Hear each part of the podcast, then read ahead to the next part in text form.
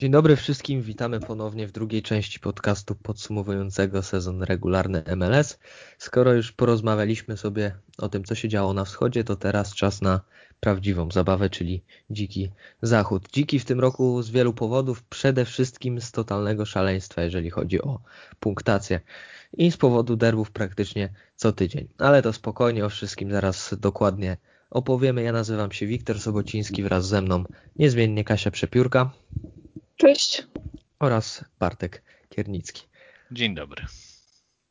No właśnie, jeżeli chodzi o te e, punkty nasze sławetne na, na zachodzie, ponieważ e, tutaj nie awansowały zespoły, znaczy nie musiały awansować zespoły z największą ilością punktów, chodziło o te punkty na mecz średnie. Dlaczego tak się stało i dlaczego nie wszystkie zespoły dograły te, te, te mecze? Jedno słowo. Koronawirus. Y, niestety niektóre zespoły rozegrały 18, niektóre 19, niektóre 22, niektóre 23 y, mecze, i no, czyli komplet, prawda, 23 spotkań, więc ciężko byłoby to ułożyć jako tabelę, po prostu jako punkty, więc y, Gaber i spółka wybrali points per game, czyli po prostu punkty na mecz. No i wyszło jak wyszło, chociaż moim zdaniem jest to dość sprawiedliwe. E, jedyna sprawiedliwa forma, mm, jaka była możliwa, więc e, dlatego, prawda? Znaczy, no ja też sobie nie wyobrażam, żeby nagle Colorado Rapids w ostatnich tygodniach miało rozgrywać jeszcze więcej tych meczów. I na przykład, bo tutaj chodziło o zakażenia właśnie w ich drużynie, no i wtedy no, każdy z tych rywali, którzy, który grałby z Colorado Rapids byłby w takiej sytuacji no, dosyć nieciekawej, no bo mm, po pierwsze to już nawet nie chodzi o możliwość zarażenia się, absolutnie nie. No, drużyny, które y, pewnie jakoś w normalnych warunkach dostosowywałyby się do kolejnych meczów w playoffach, nagle musiałyby rozgrywać jeszcze więcej tych spotkań. No i, i takie osoby, które odpowiadają za przygotowanie fizyczne, to podejrzewam, że miałyby no, bardzo twardy orzech do zgryzienia i niestety raczej by to nie przyniosło żadnych pozytywnych rezultatów, a tak zakończyło się jak się zakończyło i chyba jest to najbardziej sprawiedliwe rozwiązanie w takich warunkach, bo tak ogólnie no to wiemy, że ten sezon to raczej daleko mu do jakiegoś y, odzwierciedlającego faktyczny stan rzeczy zarówno na wschodzie, jak i zachodzie. Tak jest. Jeszcze jako, że jesteśmy na platformach, na których się słucha, wypadałoby powiedzieć, e, które zespoły są w tej ósemce, więc od góry e, Sporting Kansas City na, na pierwszym miejscu, Seattle Sounders, Portland Timbers, Minnesota United, Colorado Rapids, FC Dallas, Los Angeles Football Club i San Jose Earthquakes. No i tak jak w poprzednim materiale też się Was zapytam, kto najbardziej na plus, kto najbardziej na minus. Od Kasiu, od Ciebie zaczniemy. Najbardziej na plus zaskoczyła mnie chyba drużyna Colorado Rapids. Nie spodziewałam się, że e, będą grali aż tak dobrze i tak szybko wprowadzą e, wychowanków, a raczej, że trener powierzy im kluczową rolę w zespole. Tego się nie spodziewałam e, i to bardzo fajnie zagrało. Też uważam, że trady, które zostały wykonane w ostatnim czasie w tej drużynie, to były strzały w dziesiątkę, bo przyszli gracze, którzy do końca nie byliby najważniejsi w swoich zespołach, a tutaj w Colorado Rapids byli naprawdę kluczowi. Przecież Lalas Abubakar y, z Columbus Crew, y, wcześniej Kaylin Acosta z FC Dallas, który przez bardzo długi czas był uznawany za wielki talent. Y, do tego jeszcze Jonathan Lewis, o którym już rozmawialiśmy w poprzednich podcastach. No i to wszystko zaczęło fajnie grać. Do tego doszły jakieś transfery. Nie wszystkie się sprawdziły, ale no to też no nie oszukujmy się, Y, to, to nie były jakieś transfery bardzo, bardzo dużych nazwisk. Y, I oczywiście najważniejsze dwie postaci chyba w tym zespole dla mnie to y, Bassett i, i Vines, czyli, czyli młody zawodnik ze środka pola i lewy obrońca, dwóch, dwóch wychowanków. Też w końcu widzimy jakąś taką ciągłość w tej drużynie i widzimy, że nawet w przypadku tych słabszych zespołów Akademia staje się bardzo ważnym elementem i to mnie niesamowicie cieszy, więc y, Colorado Rapids na plus, Minnesota na plus, bo miała bardzo dużo problemów, a potrafiła do samego końca walczyć i zająć pozycję, która ich premiuje grą przed własną publicznością. Szacunek, bo, bo naprawdę chyba niewiele drużyn y, inaczej. Każda z drużyn miała w tym sezonie problemy, ale Minnesota to miała jakąś kumulację momentami, więc, y, więc też szacunek dla nich, bo, bo naprawdę z fajnej strony się pokazali. No i Sporting KC to myślę, że dla niektórych może być zaskoczeniem, ale tutaj należy zwrócić też uwagę na to, że to jest w ogóle taka drużyna, która w takich trudnych warunkach potrafi sobie radzić bardzo dobrze i wykorzystywać y, szanse, co zresztą kolejny raz udowodniła w tym sezonie. To z takich może plusów i, i oddaję głos trochę Bratkowi, czy mnie skontruje, czy, czy się z czymś zgodzi. Zobaczymy. No to moje plusy to na pewno Rapids, to się z Kasią zdecydowanie zgadzam. Bardzo mi się podoba, że wreszcie właśnie ta y, hodowla y, własnych piłkarzy odpaliła. Oni przecież są od początku ligi, a dopiero mają 14 homegrown, więc to, to nie jest liczba porażająca, ale kolejnych 10 będzie w najbliższych dwóch latach, więc ten przyrost e, wychowanków jest bardzo, bardzo fajny. Całkiem ładnie budują skład, no i mają fajnego trenera. Naprawdę to jest trener na miarę MLS jest bardzo, bardzo sensowny. E, Minnesota, no to jak Kasia mówi, to też się zgadzam, bo to co, jak ukręcili e, taki wynik no, z kontuzją połowy składu, bo pięciu, sześciu graczy z podstawowego składu to ciągle nie mieli. W porównaniu z taką Atlantą, której wypadł jeden piłkarz i się popłakali, no to jest ok, prawda? No, jakiegoś szału nie grali, no ale zrobili wynik, tak? No i San Jose Earthquakes. Znowu, tak? Znowu grali jak grali, ale awansowali do playoffów. Słabo, bo słabo to wygląda z ich grom, ale awansowali i grają całkiem fajnie z tym, Wondo co mają. jest cudowny. Z tym, co mają w składzie i, i Polak, Rodak, Wondolowski to naprawdę dalej żałuję, że go nie ściągnęli do reprezentacji Polski. Więc to jest przykre. W tamtych czasach, w których on miał możliwość pójścia do rep, repry Polski, to myślę, że on by spokojnie grał w pierwszym składzie polskiej reprezentacji. Wtedy. Teraz już nie, ale wtedy tak. Yy, no, człowiek instytucja. No i bardzo mnie cieszy, yy, że po prostu przyszły rok dalej jesteśmy z Wondo i on dalej kręci wynik.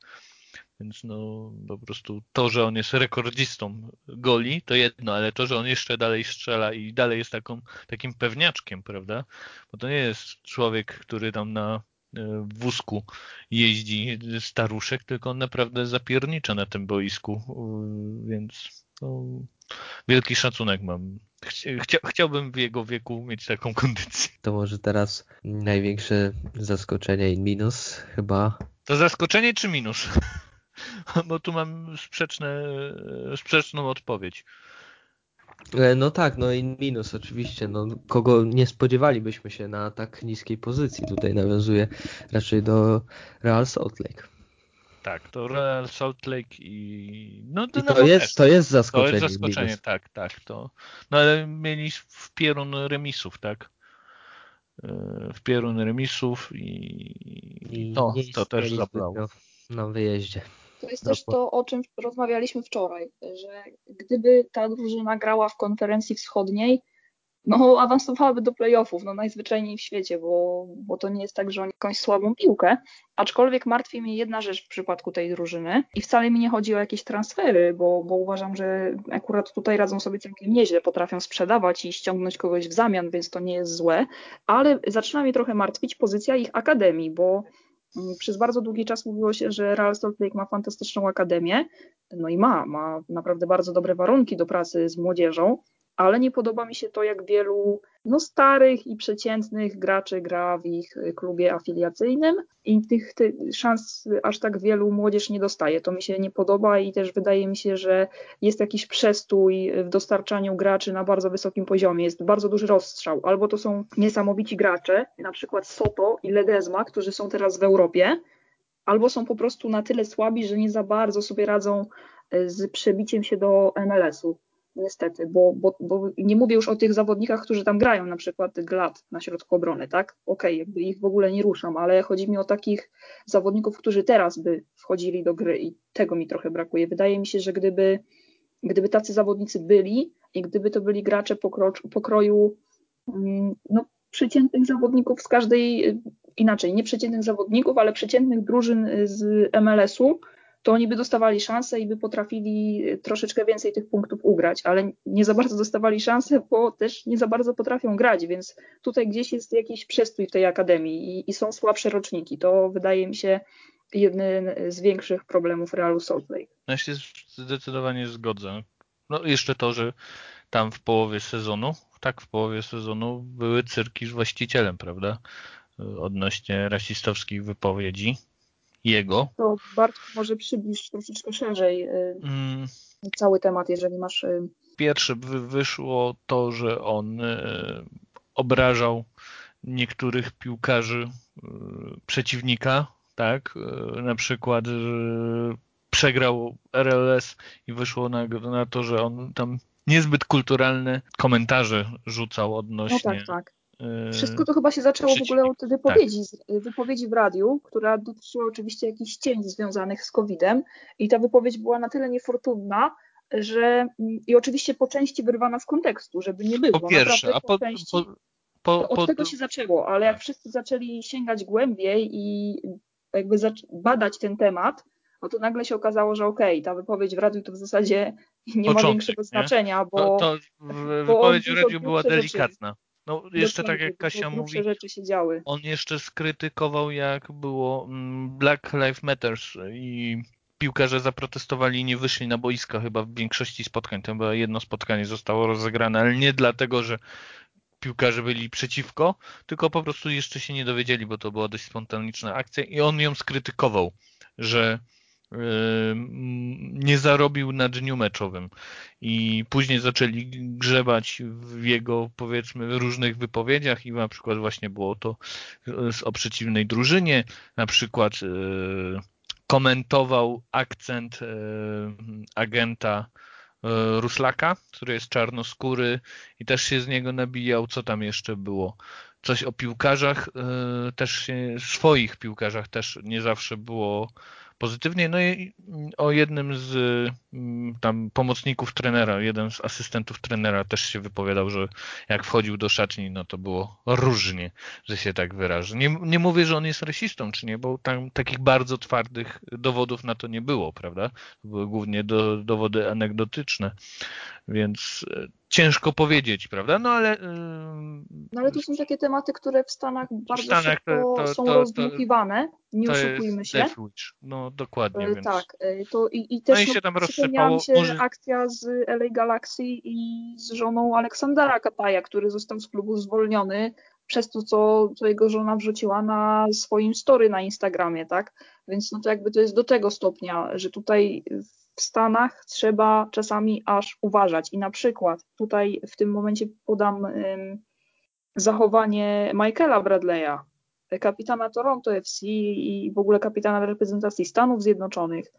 On jako jeden z nielicznych nie klękał y, na, przed samym y, spotkaniem. Tak? I on właśnie mhm. stał dumnie i jestem święcie przekonana, że gdyby to zrobił zawodnik, który aż tyle w tej lidze nie znaczy, który jest dużo młodszy, który przyszedł z zagranicy, nie mhm. zostałoby mu to wybaczone. Ale no i... zrobił to Bradley i po, jakby poparł to argumentami bardzo sensownymi, że on się zgadza z protestującymi, mm, on wie o co chodzi, ale nigdy nie będzie popierał y, brutalnych y, jakichś ataków na inne osoby, bo nie o to w tym wszystkim chodzi. Więc tutaj jakby też pokazuje to, mm, że Bradley mógł sobie na to pozwolić, bo, bo ma mhm. status legendy. Ale gdyby to zrobił inny piłkarz, to nie jestem pewna, czy, czy klub, y, czy liga przymknęłyby na to oko. Niestety. I tutaj jest jak mamy takie podwójne standardy, co mi się nie podoba. No i już tutaj mam y, historię anegdotyczną. Mamy takiego piłkarza w Minnesocie jak Kalman. On miał na początku sezonu zawieszenie, bo wspomagał się po nieodpowiednimi używkami, nie że tam ćpał albo coś po prostu przyspieszaczami regeneracji po kontuzji, które były nielegalne w, w tamtym sezonie, w tym chyba już są, to dostał bana. Później już wrócił i przy jednym ze spotkań nie klęknął, tylko stał. No to kibice ostro na niego wjechali Minnesoty, no i przypadkowo chyba dzień później albo dwa dni później zostało ogłoszone, że ma wypożyczenie do USL. Później to się wszystko wyjaśniło i on tam wszystko ograł, no ale to jak Kasia mówi, tak? Tutaj Bradley nic mu nie zrobili tak de facto, a Kalman na dzień dobry tam chyba po tygodniu już kopał sobie piętro niżej, nie? Więc taki przykładzik. To jest MLS i tutaj w tego, typ, tego typu tematach y, trzeba być bardzo ostrożnym i uważnym, bo czasami właśnie zostaje to odebrane jako jakiś atak, chociaż w ogóle podejrzewam, że zawodnicy nie mają tego na celu. No ale to jest jakby temat już mocno światopoglądowy i podejrzewam, że moglibyśmy sobie o tym rozmawiać bardzo długo, chyba niekoniecznie dzisiaj. Dokładnie. Tak jest. Dzisiaj nie mamy na to zbytnio czasu, ponieważ musimy dalej przyjrzeć się temu, kto jeszcze nie awansował, ponieważ oprócz Real Salt Lake nie awansowali na przykład e, Vancouver Whitecaps, którzy no, w zeszłym roku mieli odpalić, dwa lata temu, nie pamiętam, ale chyba jeszcze też. nie, ale też mieli, mieli odpalić i za rok też mają odpalić i podejrzewam, że za dwa lata też. Kiedy oni odpalą w końcu, Bartku? Kiedy to kiedy, Vancouver Whitecaps zaskoczy? Kiedy na, nauczą się y, remisować chociażby. To jest jedyny klub, który ani razu nie tak? remisował. Tak? tak? Kilkukrotnie przegrali tak na własne życzenie tam w 80, 90 minucie dostali bombę, tak zwanego bombla, czyli taką no szmaciankę, prawda? No i nie odrobili. A, albo by właśnie to jest to, że no te punkciki, prawda? Oni by zremisowali 2-3 razy na te 9 spotkań, czy przepraszam, 14 spotkań przegrali. Jakby chociaż zremisowali połowę, to by spokojnie awansowali. No i to jest, to jest ta, ta rzecz, która nie, nie klikła.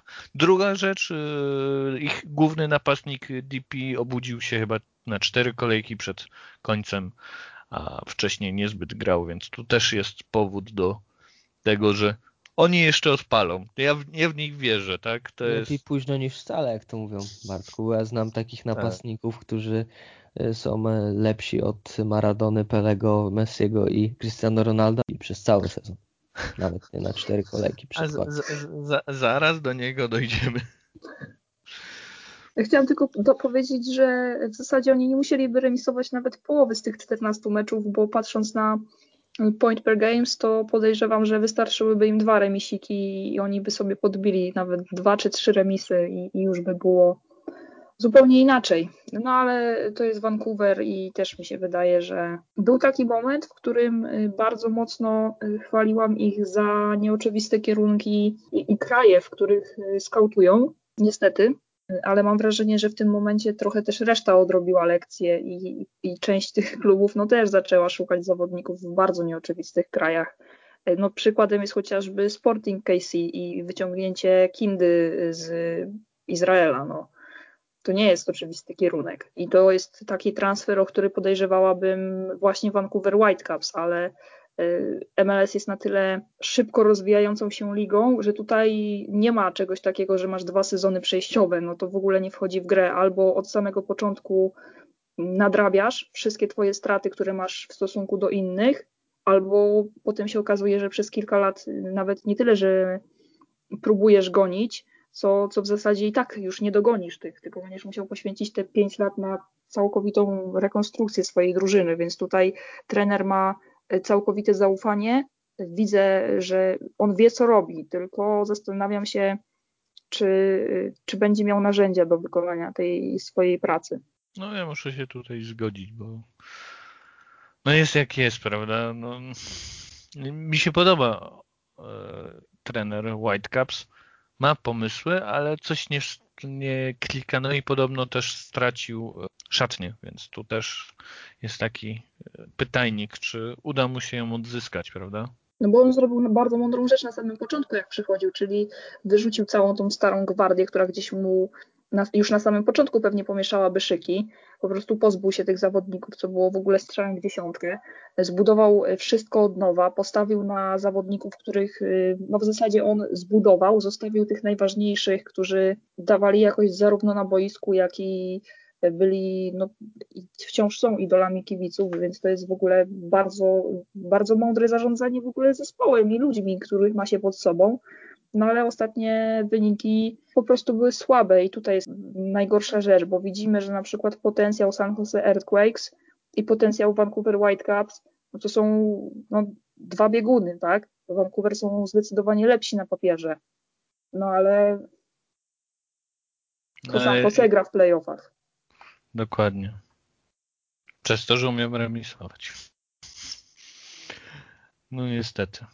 Mm. Tak, y, zgadza się, a jest też taki zespół, który umie remisować, no ale to nic im nie dało, czyli Houston Dynamo. Siedem remisów i Darwin Quintero w bardzo bardzo przyzwoitej formie, a mimo wszystko jednak no, ostatnie miejsce i to jest y, bardzo, bardzo nędzny point per game. Wiem, że trzeba tutaj trochę usprawiedliwić, że stracili Elisa w trakcie sezonu, ale no to nie jest chyba aż tak. Elisa to oni powinni stracić dwa lata temu. Albo przynajmniej rok też, temu powinien Też odejść. prawda, oczywiście. I to za jakie pieniądze oni go sprzedali, to jest w ogóle śmiech na sali. Także też zaczynam się zastanawiać, o co tam w ogóle chodzi i, dlaczego jest tak źle. Z drugiej strony mam wrażenie, że po części wyczerpała się formuła z tymi graczami, którzy są w tej drużynie i no, Elis dawał bardzo dużo jakości, no ale no, nie można opierać gry na jednym zawodniku. Tam swego czasu był bardzo dobry tercet, potem wręcz do tego doszedł jeszcze mm, Memo Rodriguez, wychowanek. Niestety, jakoś mam takie wrażenie, że ta Ramos, którego uważam za naprawdę dobrego trenera i wydaje mi się, że on jest wręcz no, stworzony do tego, żeby sprawdzić się w MLS-ie. Przypomnę, że to jest były szkoleniowiec reprezentacji Stanów Zjednoczonych U20 i to on prowadził y, tę kadrę na Mistrzostwach Świata U20 w Polsce. Więc to nie jest tak, że, że Ramos, nie wiem, nie nadaje się do pracy z seniorami. Absolutnie nie. I tylko mam też wrażenie, że on nie potrafi za bardzo czerpać z akademii. Z drugiej strony też nie wiem, czy on ma za bardzo z czego czerpać, bo w tej akademii jest kilku fajnych wychowanków, no ale on też tak, czy on w pełni na nich postawił? Mam wrażenie, że nie. I też wydaje mi się, nawet nie wydaje mi się, a jest to takie przekonanie graniczące z pewnością, że FC Dallas ma dużo lepszą akademię, co jest tutaj, no nie odkryłam Ameryki, ale też Austin FC, które też okazuje się, że jest w Teksasie trzeci zespół do rywalizacji. No i oni, no patrząc na to, jakie robią wzmocnienia i patrząc na to, jakich zawodników ściągają do swojej akademii, też będą mieli lepszych wychowanków. I tutaj jest gdzieś pole do popisu, bo okazuje się, że transfery nie do końca wypaliły.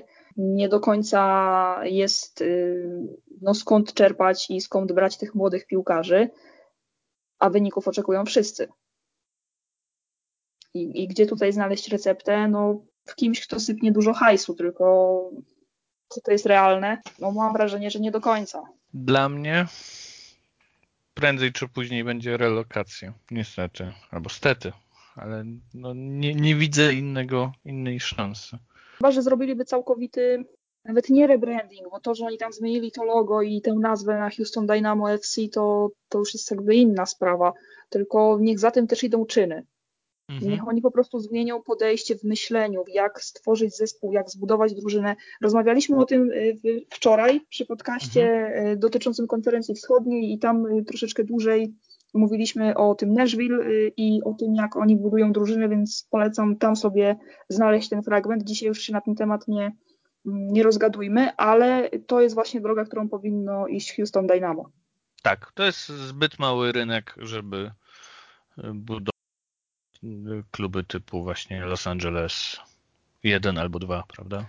No ale w sumie potencjał w mieście Houston jest ogromny. Czemu no jest, no. Źle dzieje, bo to jest jedno z większych tego miast. wykorzystać, no. Widzicie, jaki tam jest skład budowany. Oni chcą się opierać na graczach ze strefy CONCACAF albo na graczach na z Ameryki ogólnie mówiąc. Tyle, no. Hiszpańskojęzycznych. Tak, tam, tam nie ma składu. Już tam no kto tam jest ściągany z, z jakichś innych kierunków? No, powiedzmy, że no dobra, gdzieś tam Skandynawia i, i powiedzmy, że może gdzieś y, y, Serbia, Słowenia, tam te, tego typu klimaty są ściągane do, do obrony. I to jest maks. Czy to się w ogóle jakkolwiek łączy z atakiem? Absolutnie nie. Dwóch, dwóch zawodników, chociażby w ostatnim meczu z tego sezonu. Spoza oczywiście takich krajów powiedzmy hiszpa hiszpańskojęzycznych. Tak, no, więc, jest Marin, jest no. Marin na bramce, jest Lundqvist, no i no, był tam jeszcze swego czasu Aliasz Struna. Jest kilku graczy, Y, ale czy to, y, czy to jest dobry kierunek? No, nie jestem przekonana, no i też nie podoba mi się prowadzenie akademii, bo to jest taki zespół, który no, mógłby gdzieś wykorzystać swój potencjał, ale w tym samym regionie mamy FC Dallas, który jest w ogóle kapitalną akademią i do tego mamy Austin FC, które szykuje się naprawdę też na całkiem fajny kierunek dla młodych piłkarzy. Więc tutaj Houston jest w ogóle na jakiejś y, no, tak, w czarnym jest polu, na, taki, na, na, na równi pochyłej i, i wygląda to naprawdę bardzo źle. Czyli Bartku nie widzisz nadziei dla Houston? No niezbyt. Niezbyt. No chyba, że wyciągną jeszcze czterech takich Darwinów e, za, za darmożkę, jak było przy Minnesocie. Albo wrócą, albo wrócą do modelu, który funkcjonował bardzo dobrze, czyli ściągną graczy pokroju Alberta Elisa, pokroju Manotasa. Za darmożkę.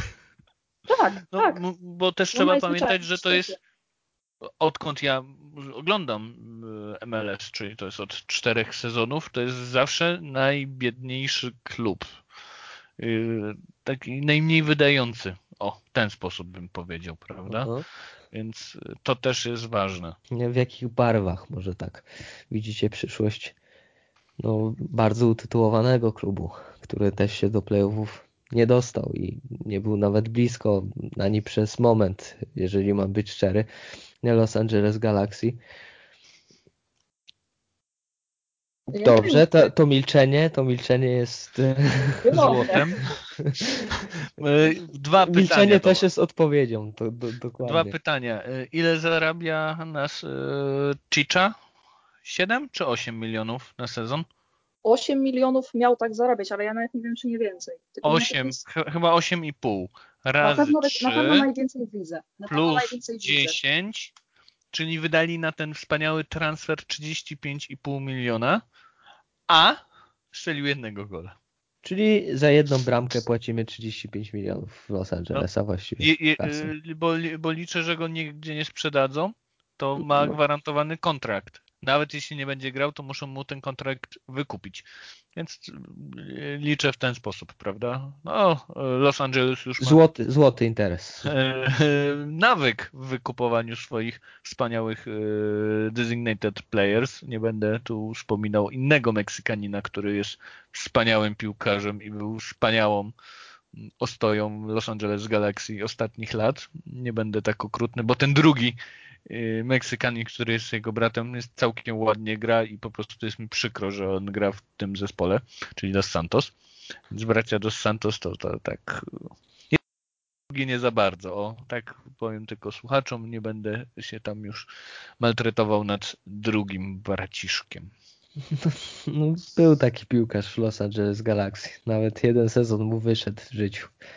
Na pozostałe jechał na tym właśnie dobrym dobrym no, wrażeniu, które nie pozostawił. Wiem, co mam powiedzieć. Nie, nie wiem, co mam powiedzieć, po prostu nie, no ja nie tylko mi przychodzi jedna myśl. Na, na, coś, y, nie uznaję tego ich sezonu za jakieś rozczarowanie, bo jakby od początku zakładałam, że ściągnięcie Chicharito to jest ruch czysto marketingowy. Jak można mówić na początku tego sezonu, że to jest najważniejszy transfer od czasów Davida Beckhama, bo słyszałem, że były takie znaczy nawet nie słyszałem, no, wiem doskonale, że Wiesz, były takie. Na, na, spójrzmy to na, na takiej zasadzie, że to jest najważniejszy transfer pod względem marketingowym i medialnym, bo pod tym względem był to najważniejszy transfer.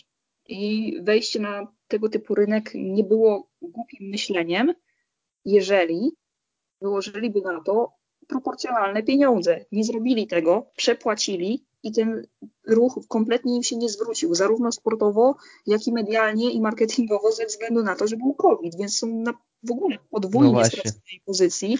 Ten box no, office z tego, tego transferu nie, jest naprawdę może nie, nie, no nikt nie przewidziałby całej sytuacji związanej z COVID-em, nie oszukujmy tak, się. Ale można przewidzieć to, ale można było przewidzieć to, że on nie będzie strzelał tych goli. No, jeśli, I to można było przewidzieć. Jeśli ja jako powiedzmy pracodawca miałbym zatrudnić człowieka, który mówi, że moja firma to jest emerytura i laba, to bym go nie zatrudnił. No, to, to jest yy, zarządzanie kadrą ludzką na poziomie, nie wiem, sklepu z żabki, tak? Jak mam sprzedawcę, który mówi, że to jest laba, nie będzie pracował, nie będzie sprzedawał produktów, tylko będzie sobie klikał na Facebooku albo nie wiem, w Bubble jakieś, tak? To, to, to takiego, takiego kasjera nie zatrudniam. No, no, no, naprawdę, no Nawet ja wiem, że jeżeli ma takie uznane nazwisko? No to da, dalej nie sprzeda hot doga. No tak. No tak, no. Co Przyjdą, się zrobią- nie dogra, to przyjdą- to wygląda To, jak tak to jakby publicznie. zatrudnić w żabce, nie wiem, mam nadzieję, że nikogo nie obrażam, Kononowicza, tak? Albo nie wiem, e, Korwina Mikke. No przyjdą, zrobią sobie zdjęcie, ale sprzedaży nie, sprzedaż nie wzrośnie. No to jest ten myk, tak? No Albo wzrośnie na sprzedaż ewentualnie koszulek i to jest maksimum. Ale to też taki tak nie był najlepszy wynik. Ale To nie, był czwarty albo szósty wynik. No i to no właśnie to jest jakby kolejna rzecz, mianowicie no, sezon, który miał być sezonem z ogromną pompą i podejrzewam, że No jakby tak. obchody 25 byłyby no, w ogóle fantastyczne i ten, ten sezon, te rozgrywki byłyby kapitalne, gdyby, gdyby nie COVID. Ale no to jakby w ogóle nie usprawiedliwia, nie usprawiedliwia działań Galaxy, które są beznadziejne od kilku lat. Nic się w tej kwestii nie zmieniło. Czy ściągnięcie z Latana coś dało tej drużynie, oprócz jakiegoś dużego hypu? Nie, nie zrobił playoffu. A jak już awansował No ale no, nie obrażajmy się, no z kim on grał, tak? On No, tam jednak robił robotę. Proszę do- mi tutaj z Latana nie obrażać. Ale spokojnie, nie porównuję z Zlatan do- 30 do- bramek jednak strzelił, Tak. on strzelił chodzi mi- jedną. Ale chodzi mi o to, że nie, nie porównujesz Chicharito do Zlatana, bo tu jakby nie mam o czym Jak w to ogóle nie? rozmawiać. No tak, bo on jest y, lepszy od y, Zlatana, tylko, tylko Messi i Cristiano Ronaldo są na jego poziomie. Nie, on, on, on jest połączeniem Cristiano, on jest no. połączeniem Cristiano Ronaldo i. Messiego. Traktuj to poważnie. Traktuj to poważnie. Nie, no to, jest, no, tylko Ale- Meksykanie mogą go szanować Jak jako najbardziej. Ale piłkarza. chodzi mi też o to, To jest piłkarz, który nigdy na- nie zagrał dobrze poza Leverkusen. No, I on jechał na No, dobrym hypie i tym, że ma dobrego menadżera. No, Jak najbardziej. Chodzi mi też Tyle. o to, że Galaxy od dłuższego czasu nie potrafią zbudować dobrej kadry, a rozwiązaniem nie jest ściągnięcie z Latana i rozwiązaniem nie jest ściągnięcie Chicharito. Rozwiązaniem jest zbudowanie mocnej kadry, która będzie miała przyszłość. Czy, oni, czy coś takiego jest w ogóle widoczne w Galaxy? Jakakolwiek wizja, jako, jakiekolwiek rozsądne zarządzanie kasą? Nie, nie ma tego i podejrzewam, że w najbliższej przyszłości, jeżeli tego nie zmienią, to będą tylko gorsi. I tutaj mamy taki też przykład, mm, no LAFC. Okej, oni ściągnęli Wele, ale w zasadzie Wela wypadł, a mieli iluś graczy, którzy grali naprawdę dobrą piłkę. I tu jest właśnie ta recepta, że jak już budujesz skład, to, to, to nie ma czegoś takiego, że jest jeden zawodnik i reszta to sobie może być, nie wiem, z akademii albo z klubu afiliacyjnego. No, no nie, po prostu nie. A do, tak, do tego próbowało nawiązać Galaxy. Stąd też moje powiedzenie, że ściągnięcie z latania nie jest rozwiązaniem. I o, o to mi chodziło w tym kontekście, że Ym, jakby to nie jest rozwiązanie, że, że masz drużynę na playoffy, no bo okazało No, ale- się, z Latan nie było playoffów. jak, jakby był Chicha, Chicharito nasz częściej kontuzowany, na przykład, albo by miał taką kontuzję jak Vela, to myślę, że Galaxy by grało lepiej. Nie grałoby w 10. No tak. Więc- No tak. No jeżeli chodzi o Ale budowanie Chyba nie, zespołu, powie, nie powiedzieliśmy niczego o Pawonie, bo co też jest znamienne, bo jakby Pawon ma ograniczenia, ale nie do powiem, że był jakimś poziomu nie cał... przeskoczy, no. Tak, no, bo bo on ma ograniczenia, ale nie powiem, że był jakimś beznadziejnym transferem Galaxy, bo patrząc na to, jakie oni transfery robili, no to Nie, mogę no, wymienić ale- dużo gorsze. No ale to też nie był, to też nie był dobry ruch, no bo to są jakby, to jest kolejny Mhm. taki przykład, że Galaxy przypłaca, Galaxy ściąga zawodników, którzy nie potrafią za bardzo przeskoczyć pewnego poziomu i którzy nie pociągną drużyny na swoich barkach do, no, do dobrych wyników, no nie? Nie, nie ma takich piłkarzy Mhm. już momencie w Galaxy. Nie masz czegoś takiego, nie masz zawodnika, który wchodzi i jest game changerem. Nie ma czegoś takiego. No nie ma. Po prostu krótko nie ma takiego piłkarza w Los Angeles Galaxy. Ja nie wiem na czym, z czym oni chcieli y, tutaj zrobić jakieś No, playoffy, według- jakikolwiek niech wynik. To jest y, według- pójście, pójście według mnie z drewnianym mieczem na, na potężną armię i, i tyle. To, to po prostu się musiało źle skończyć. Jeżeli ktoś myślał, że tutaj, no już kończąc, bo też nie powiedziałem za dużo o tym to jeżeli ktoś myślał, że chłopak, który naprawdę od trzech sezonów zdobył łącznie może z 10 bramek, on coś zagra, to, to nie, to nie miało prawa się udać, a że nie było też drugiego napastnika na jakimkolwiek poziomie, no to tak to wygląda. No bo Zubak to też nie jest gość, który może no grać w MLS. Nie no, bez no przesady, na litość boską. No i Efrain też słabiej grał, prawda? Wiesz co jest najlepsze, że jak sobie tak patrzę na ten Zubak, no to kurczę, pamiętam ten czas, gdzie grillowałeś Lasitera, no to to Zubak jest, nie wiem, jakieś pięć razy gorszy. Współczuję e, Wiktor, że... Nie no, wiesz, o, piłka na 5 metrów od, odskakuje już przy podaniu z 3 metrów i jest, są problemy, no. Ale pytanie, czy to odskoczenie miało, miało spowodować minięcie przeciwnika, czy nie? Po prostu... Miało po, połamanie sobie nóg przypadkowe, nie, niezaplanowane. No. Dobrze. Więc tak to wygląda. To co, prze, przechodzimy do, bo wszystkich odpadniętych już mamy, to teraz tak. powinniśmy przejść do... Do par. Które do par.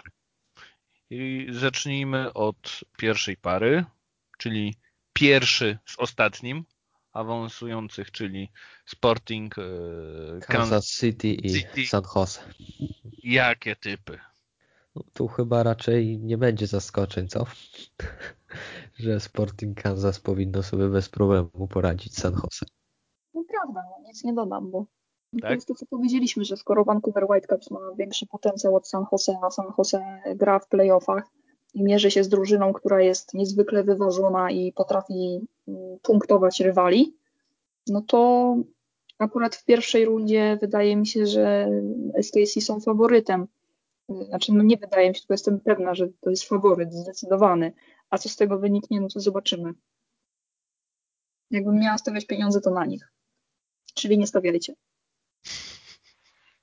Okej. Okay. No, wszystko zależy, czy Wondo odpali, czy nie. To jest takie mały pstrykuś, nie? In Wondo we trust, oczywiście. Tak, tak, zdecydowanie. Ja bardzo bym się nie zdziwił, jakby tam Wondo szczelił 1-0 w 119 minucie. Jeszcze z przewrotki. Klasyczny Wondo. Piękny scenariusz, troszeczkę odpłynęliśmy w alternatywną rzeczywistość, ale no ale rzeczywiście, że dokładnie tak. Jeżeli San Jose ma coś tutaj zdziałać, no to, no to Wondo, no musisz coś ustrzelić. I tyle. San, e, nie San Jose oczywiście już nie, ale Seattle Sounders LAFC, czyli drugi zespół kontra siódmy zespół LAFC, no ten sezon bardzo rozczarowujący i dopiero siódme miejsce, no ale to jest wbrew pozorom bardzo ciekawa para uważam. I tutaj mam prawie tak duże problemy jak między Minnesota a Colorado, o czym za chwilę powiemy. No ale myślę jednak, że Seattle jest faworytem, chociaż naprawdę uważam, że bardzo ciekawa para. Może tutaj być jakaś dogrywka. I niewykluczone, że LFC sobie poradzi, ale no, faworytem jest chyba Seattle. W poprzednim sezonie w playoffach Seattle Sanders zniszczyło taktycznie AFC. Po prostu i oni nie istnieli. To był mecz, w którym wszystko, absolutnie wszystko wychodziło z Seattle Sanders i to, co zrobił Brian Schmetzer ze swoimi asystentami, to było mistrzostwo. To naprawdę była, był piękny mecz i popis po prostu umiejętności tej drużyny. I tak się zastanawiam, czy oni będą w stanie to powtórzyć, bo wydaje mi się, że drugiego tak perfekcyjnego meczu z takim rywalem nie zagrają. Ale na korzyść Seattle Sanders działa też fakt, że LAFC grają bez Diego Rossiego, który ma pozytywny wynik na COVID, chyba że jakimś cudem y, okaże się, że to był, że następny test okaże się negatywny, no i będzie mógł grać. Do tego jeszcze dwóch graczy z Ekwadoru, Palacios i Sifuentes, y, też nie będą grali, też z powodu COVID-u, więc no, są ciężary, tak? No i ale Seattle też ma graczy, na przykład Rui Diaz był na kadrze y, Peru, więc no to też jest. Ale przez to, że on już miał koronawirusa, i ma przeciwciała, to obchodzi to. I on będzie jako jedyny z reprezentacji południowej e, Ameryki, który może grać. Więc Rudy na pewno będzie grał od pierwszej minuty, bo ma na to pozwolenie. Więc no też widziałam że ostry przypał. też czar czarterem le leciał i też, że też ma grać dla Filadelfii, więc to są jakby takie no... no cała Minnesota, prawdopod cała Minnesota prawdopodobnie będzie e, już le leci i Kay Kamara leci, ale to zaraz przejdziemy do Minnesoty, to żebyśmy nie spoilerowali. No nic, no w każdym razie uważam, że Seattle Sanders y, faworyci, ale nie powtórzą tak perfekcyjnego meczu jak w poprzednim sezonie. No i też pytanie, co zrobi Carlos Vela, tak? No to jest ogólnie bardzo ciekawe jeszcze. To jest w ogóle mecze, najciekawszy mecz. W tym, w najciekawszy tym, mecz w tym roku rozegrały te dwa zespoły, ponieważ tutaj ani jednego takiego wyrównanego pojedynku. Raz LAFC wygrywa 4-1, po czym nagle przegrywa 3-0, po czym e, następny meczu wygrywają 3-1, po czym przegrywają 3-1 i jak tutaj w ogóle jakieś tutaj rozstawienia. Bądź tu mądry, zrobić, prawda? Dokładnie. Naprawdę, naprawdę ciężko, ciężko jakokolwiek to przewidzieć. Portland Timbers kontra Dallas Mecz oczywiście e, rozgrywany w Oregonie. No i co? Myślę, że Portland. Znowu tak o, lecę kolejny. troszeczkę prostolinijnie, ale no, wydaje mi się, że, że Portland ciekawie wygląda. Zwłaszcza, kolejny że bardzo tak ciekawy mecz. niezbyt mi się podoba FC Dallas na wyjazdach. No mnie się w ogóle jakby aż tak bardzo FC Dallas nie podoba w tym sezonie. Zazwyczaj spotkania tych drużyn generują niezwykle dużo emocji i to jest gra taka, to nie są derby i, i nigdy nie będą derbami, ale jest tutaj taka dosyć duża rywalizacja pomiędzy Portland a Dallas, szczególnie gdzieś tam w playoffach, to są bardzo ciekawe spotkania. Portland są faworytem, tak, tutaj tak powiem. Mają swoje problemy, mają kontuzję, ale mają też, mają też Esprię, który potrafi strzelać gole tylko w playoffach. Nie no, Dallas to dostanie Bęcki i to będzie największa, największa chyba różnica klasowa. No, no, jedyne, jedyna rzecz to Portland nie ma napastnika poza Morą, tak? Bo to i niezgoda. Nie, bo Bise wraca. Bo Bise już wrócił, tak? więc... A, no, tak, no to można stawiać domy na Dallas. Poza tym Mora był w zgrupowaniu reprezentacji. No, aha, też no to tak. No, no, tak. no ale jest Bobise jest potężny, wielki Aspria, który strzela gole tylko w playoffach. I naprawdę tak jest, w sensie my sobie nie żartujemy. To jest gościu, który się budzi ze snu zimowego i on stwierdza, ok, sezon minął, Portland go trzyma w kadrze, płaci mu pieniążki, on te pieniążki bierze, a potem mówi, no dobra, to przynajmniej mam strzelę Jest odmrażany jak Maryla Rodowicz na Sylwestra. A, mo, a, może on po prostu mu nie pasuje rozgrywanie sezonu marzec-listopad. Może on powinien grać od października do maja, tak? I no może i tak wtedy by, by, był. No, no tak, gra. tak gra. To prawda. Dobrze, koniec śmieszków ze Spree. Portland ma dużo lepszą kadrę, e, chociaż jest też wielu graczy kontuzjowanych. No i też jakby smutna wiadomość, czyli kontuzja niezgody nie jest osłabieniem Portland Timbers. To prawda. Chciałbym, chciałbym dyskutować, chciałbym. Tak, nie, mamy nie Polaka w konferencji zachodniej. Tak, właśnie, być może się właśnie dowiedzieliście o tym. Mało mówimy o Jarku Niezgodzie, ponieważ no, nie ma zbytnio o czym. I umarł. Znaczy, oczywiście my tutaj śmieszkujemy, życzymy mu zdrowia i żeby wywalczył sobie skład e, drwali żeby nam odpalił i zamknął za przeproszeniem mordy 30 golami w sezonie, no ale wiadomo jak jest. Trzymam za niego kciuki, żeby w przyszłym sezonie strzelił 15. Ja będę zadowolony, strzelam, że większość drwali będzie zadowolona i, i będzie fajnie, prawda? No dokładnie tak. Kolejny punkt, który jest po stronie Portland Timbers to już będzie chyba ostatni, bo nie chcę się za bardzo rozgadywać na temat tej drużyny. Mm, to trener. I tutaj Luci Gonzalez jest spoko we FC Dallas, wprowadza młodzież, chociaż teraz jakby ma tam jakieś, ma też sporo problemów i, i kontuzji. No ale tu Giovanni Savaris jest gościem, który potrafi dostosować taktykę, który potrafi rotować składem w kluczowych momentach i nawet jak rotuje, to, to okazuje się, że, że skład, który, którym rotuje, potrafi wygrać z derbowym rywalem Seattle Sanders, więc tutaj jakby mamy jasność, że to Gio jest lepszym trenerem. Czyli ostatnie starcie w pierwszej rundzie playoffów konferencji zachodniej Minnesota kontra Colorado Rapids, czyli czwarty z piątym. Teoretycznie najbardziej wyrównane, chociaż no, mówiliśmy, że niekoniecznie. Point, point, point game, nie? więc to też Colorado zyskało na points per game. No bo... rozegrali najmniej meczów ze wszystkich. Po pierwsze, zdecydowanie. Po pierwsze i odpadły im granie na przykład Seattle Sanders, no to no, no dostaliby Bęcki, no nie oszukujmy się, no dostaliby Bęcki, tak? Ale ja bym nie stawiał na Minnesotę domu, nawet bym wypłaty jednej nie stawił na Minnesotę. Colorado no, to przegra na wyjazdach, to jest. Po pierwsze, a po drugie oni zwykle wygrywają tam chyba w pięciu albo sześciu spotkaniach, jak graliśmy ja to mówię jako kibic Luns, graliśmy z Rapids, to chyba raz tylko wygraliśmy, więc tutaj powinno się zapalić na mocne, intensywne czerwone światełko, więc e, no, tak to wygląda, prawda? Kasiu, jak ty to widzisz? Na początku pochwaliłam Colorado Rapids i nie były to puste pochwały, bo uważam, że mają całkiem spore szanse w meczu z, z Minnesotą. To jest chyba w ogóle bardzo ciekawe, że my na tej, w tej konferencji zachodniej mamy wszystkie pary, które są niezwykle intrygujące i to ben, każdy z tych meczów będzie ciekawy, bo, bo tak jak mówiliśmy wczoraj i, i to polecam sobie odsłuchać, y, że te mecze raczej miały tam jakichś takich jasnych i klarownych faworytów y, i mówiliśmy, że no tam może się dużo rzeczy wydarzyć, ale no jakby tutaj jakość i tak dalej jest po stronie jednej z tych drużyn. A tutaj mamy taki przykład kolejny, w którym Minnesota jest naprawdę spoko drużyną, bardzo fajnie grają, y, mają też sporo problemów, y, osłabień i tutaj chyba jest największy, największa zagadka, bo gdybyśmy my wiedzieli dokładnie, jakim oni składem zagrają, albo ilu z tych graczy nie zagra przez kwarantannę, którą muszą przejść, przez urazy i tak dalej, to moglibyśmy troszeczkę więcej powiedzieć. Tak to jesteśmy mm, w takiej trochę dziwnej sytuacji, no bo, bo naprawdę no nie wiadomo, y, którzy gracze będą do dyspozycji trenera też jakby nie stawia ich w komfortowej sytuacji i to jest to, co mówiłam, że Luns w tym sezonie mieli naprawdę wybitnie dużo problemów.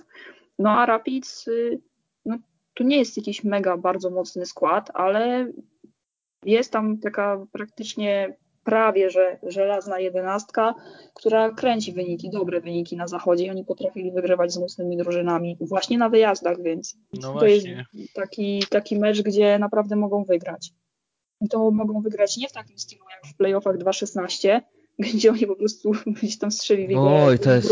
i koniec. Nostalgia. To, była, to, to, był, to był tragiczny zespół. O mój Boże, jak sobie przypomnę, co się wtedy działo. Tragedia. Ale tego już zespołu nie ma. Oni naprawdę I grają fajną... Mastroeni, pamiętam. Nie no. Pamiętasz, jak y, klęczał przy linii i uderzył pięściami w murawę? To było fantastyczne gif. Muszę go odkopać, aż sobie przejrzeć, bo to było coś pięknego i te jego wąsy, no ojej, nostalgia i wspomnienia. Co tam się działo? Tak, ale takie było Colorado Rapids, że my sobie wspominamy o trenerze, który chodził w przepięknych koszulach z ułożonym wąsikiem i odwalał cyrki przy linii, a, a jego drużyna po prostu grała beznadziejnie, ale wykręcała ale no tam półfinały były konferencji tak, bodajże. Tak, wtedy naprawdę wysoko w tych playoffach, ale nie potrafili grać w piłkę. A teraz Rapids y, naprawdę potrafią kreować grę, y, mają naprawdę wielu ciekawych młodych zawodników. No i, i właśnie tak się powinno budować składy y, w MLS-ie i Rapids bardzo szybko się dostosowali. To jest na przykład to, czego nie zrobiło Vancouver Whitecaps, bo Rapids mieli trochę mniejszy potencjał. Powiedziałabym nawet, że mniej kasy mniej możliwości scoutingowych, a potrafili szybko wprowadzić do składu dwóch bardzo dobrych wychowanków, potrafili zrobić trady e, i ściągnąć do siebie zawodników trochę niechcianych w innych drużynach i nie przypłacili za te trady zbyt dużo mm, i mają naprawdę ciekawy skład, który może powalczyć z Minnesotą. No. Tak, zdecydowanie jest to, jest to ostre, ostre spotkanie, bardzo wyrównane. Obie opcje mogą bez zaskoczenia spełnić, tak? Więc y, to tak w skrócie powiedzieliśmy wam te nasze typy i tak naprawdę nic wam nie powiedzieliśmy konkretnego, ponieważ każda para wyszło, że tutaj każdy właściwie może wygrać. No, ale bądźmy poważni, to nie jest konferencja wschodnia, tak? No to... Tak, no, zdecydowanie tutaj, tam lecimy tylko na tym, że to są playoffy, coś się może wydarzyć, a tu jednak rzeczywiście są to pary bardzo wyrównane. I cóż, chyba to jest odpowiedni moment, żeby, żeby zakończyć, żeby pożegnać się do następnego razu, ponieważ już nic tutaj więcej nie wyczarujemy z tej konferencji. Za dzisiaj dziękuję bardzo serdecznie Katarzyna Przepiórka. Dziękuję. Bartek Kiernicki. Dziękuję ślicznie. Oraz Wiktor Sobociński. Do usłyszenia.